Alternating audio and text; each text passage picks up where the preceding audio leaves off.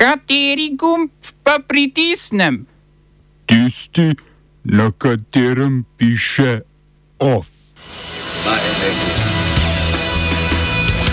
Šrilanški protestniki vdrli v predsedniško palačo, predsednik napovedal odstop.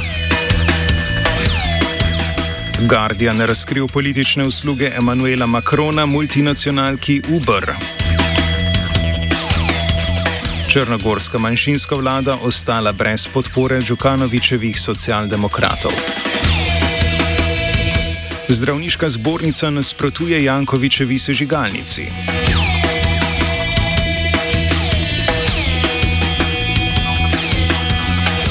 Jo!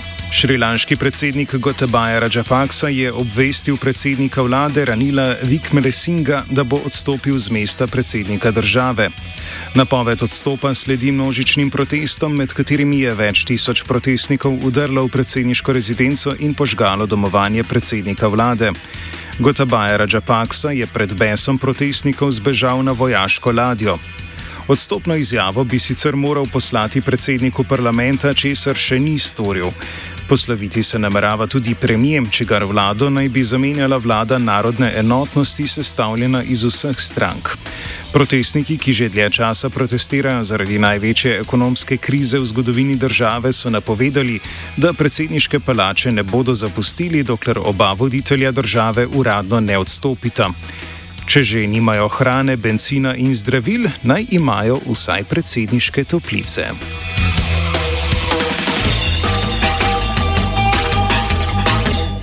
Japonci so, še vedno pod vtisom atentata na nekdanjega dolgoletnega premijeja Shinza Abeja, volili polovico zgornjega doma parlamenta. Vladajoča konservativna liberalno-demokratska stranka, ki je pripadal tudi ubiti Abe, je na volitvah prepričljivo zmagala. Od 125 mandatov, ki so se delili na volitvah, jih je osvojila 63 in tako svojo predstavniško skupino povečala za 10 članov. Na drugo mesto se je uvrstila liberalna ustavno-demokratska stranka, na tretje mesto pa koalicijska partnerica vladajoče stranke, desno-sredinska Komeito. Koalicija si je s tem povrnila ustavno večino, ki jo je izgubila leta 2019.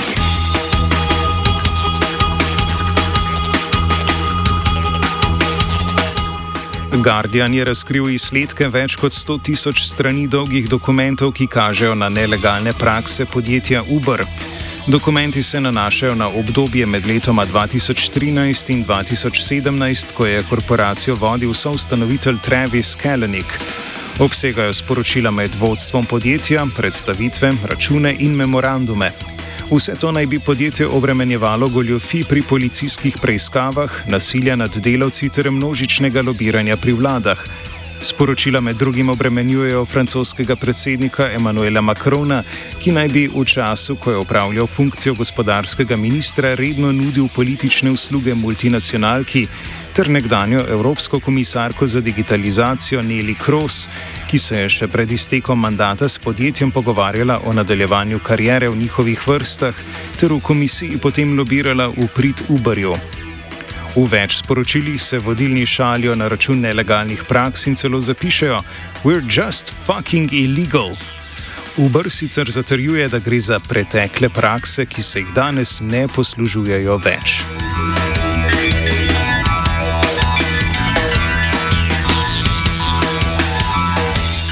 Črnogorska manjšinska vlada premijeja Dritana Abazoviča je izgubila podporo demokratične stranke socialistov, zunaj koalicijske in največje parlamentarne stranke. Stranka dolgoletnega premijeja in trenutnega predsednika države Mila Džukanoviča je vladi zagotavljala kar 30 od 46 poslanskih glasov, zato je Abazovič ostal brez večine v parlamentu. Socialdemokrati vladi očitajo odmik od evropske agende in potrditev sporazuma s Srpsko pravoslavno crkvijo.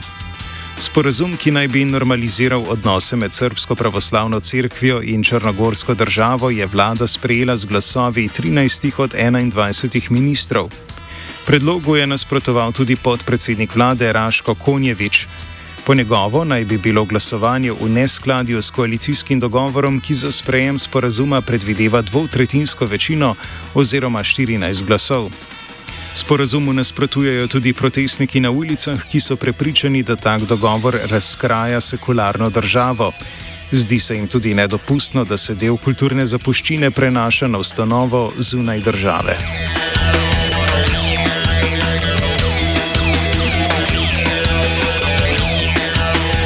Vladajoča estonska reformna stranka premijejke Kaje Kalas je dosegla dogovor za novo koalicijo po razpadu dvostrankarske koalicije s socialno-liberalno estonsko stranko Centra. Prejšnja koalicija je bila prekinjena zaradi paktiranja koalicijskih partnerjev s skrajno desno stranko EKRE pri blokiranju vladne reforme osnovnega šolstva. Koalicijski stranki se nista mogli sporazumeti niti glede zvišanja otroških dodatkov. Novo koalicijo bosta poleg estonske reformne stranke sestavljali še socialdemokratska stranka in desna stranka ISAMA. Koalicija, koalicija bo obvladovala 56 glasov v 101-članskem parlamentu. Nova koalicija bo v vsakem primeru kratkega veka, saj se bodo Estonci najkasneje marca odpravili na parlamentarne volitve.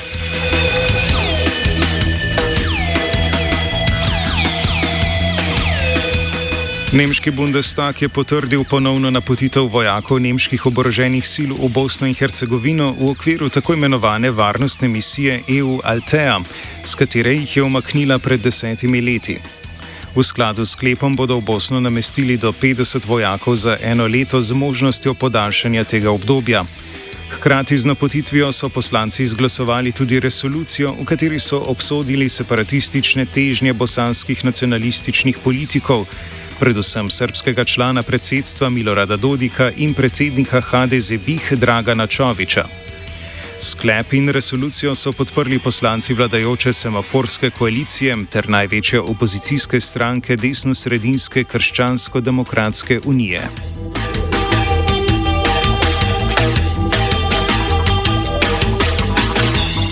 Mačarski premijer Viktor Orban je podpisal odlok o oblikovanju posebnih enot mejnih stražarjev za varovanje mačarske južne meje. Enote naj bi sprva sestavljalo dobrih 2000 stražarjev, ki bodo v sodelovanju s policijo patruljirali ob meji s Srbijo, ki je glavna vstopna točka beguncev v državo. Število stražarjev se naj bi po napovedih Orbana s časoma povzpelo na 4000. Po besedah Urbana se je mađarska vlada za potezo odločila, ker naj bi pričakovali povečan pritisk na mejo zaradi prehranske krize. Sodišče Evropske unije je sicer že pred dvema letoma razsodilo, da so mađarska pravila in prakse na mađarsko-srpski meji v nasprotju s pravom Evropske unije, saj mađarska begunce avtomatično pridrži v obmejnih centrih in jih na to nelegalno vrne v Srbijo. Smo se osamosvojili, nismo se pa osvobodili. Naslednje štiri leta še 500 projektov. Izpiljene modele, kako so se strani nekdanje LDS rotirali. Ko to dvoje zmešamo v pravilno zmes, dobimo zgodbo o uspehu. Takemu političnemu razvoju se reče udar. Jaz to vem, da je nezakonito, ampak kaj nam pa ostane? Brutalni obračun s politično korupcijo. To je Slovenija, tukaj je naša zemlja! To je Slovenija! Slovenija! Vlada je sprejela sklep o odstranitvi žice oziroma tako imenovanih tehničnih ovir z meje. Odstranjevanje bo vojska začela v drugi polovici tega tedna. Dnevno naj bi odstranili do 200 metrov žice, v celoti pa bi z odstranjevanjem končali v petih mesecih. Vlada je ustanovila tudi novo posvetovalno telo za migracije. Poleg tega je sklenila, da bi lahko policija do konca leta za različne potrebe upoklicala 2000 pomožnih policistov.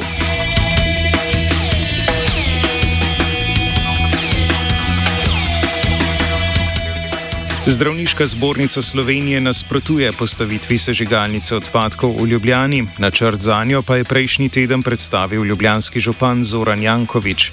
Na tiskovni konferenci je skupaj z Dunajskim županom postavil sežigalnico v avstrijski prestolnici za zgled projektu. Zdravniška zbornica pa upozarja, da sežigalnici nista primerljivi. Ljubljanska kotlina je namreč bistveno slabše prevetrena od Dunajske ravnine in tako primerljiva k večjemu s celovcem ali gradcem, ki sežigalnic nimata. Trdijo, da je zrak v Ljubljani že sedaj med najbolj onesnaženimi v Evropi. Po podatkih zdravniške zbornice je koncentracija strupenih in rakotvornih delcev v Ljubljani že sedaj trikrat višja od priporočenih smernic Svetovne zdravstvene organizacije. Opozarjajo, da župan Jankovič informacije o sežigalnici predstavlja izrazito enostransko in ne omenja bolezni dihal, ki bi jih povzročil še dodatno onesnažen ljubljanski zrak.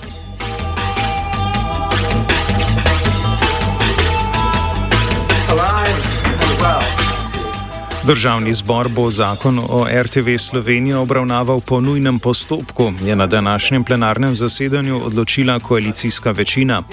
Izredno sejo na to temo je zahtevala poslanska skupina Slovenske demokratske stranke, ki je prepričana, da zakon ne ustreza poslovniškim zahtevam za obravnavo po nujnem postopku. Vlada želi zakonom, ki ga je pripravila pravna mreža za varstvo demokracije, javni medij depolitizirati in reorganizirati. Največjo spremembo bi predstavljal Združen programski in nadzorni svet s 17 člani, ki bi bil v večji meri sestavljen iz predstavnikov civilne družbe. Svojega predstavnika bi tako dobila tudi Olimpijski komitej Slovenije ter Svet za trajnostni razvoj in varstvo okolja. Golobova koalicija si želi zakon pod streho spraviti še pred parlamentarnimi počitnicami, SDS pa že omenja možnost naknadnega zakonodajnega referenduma.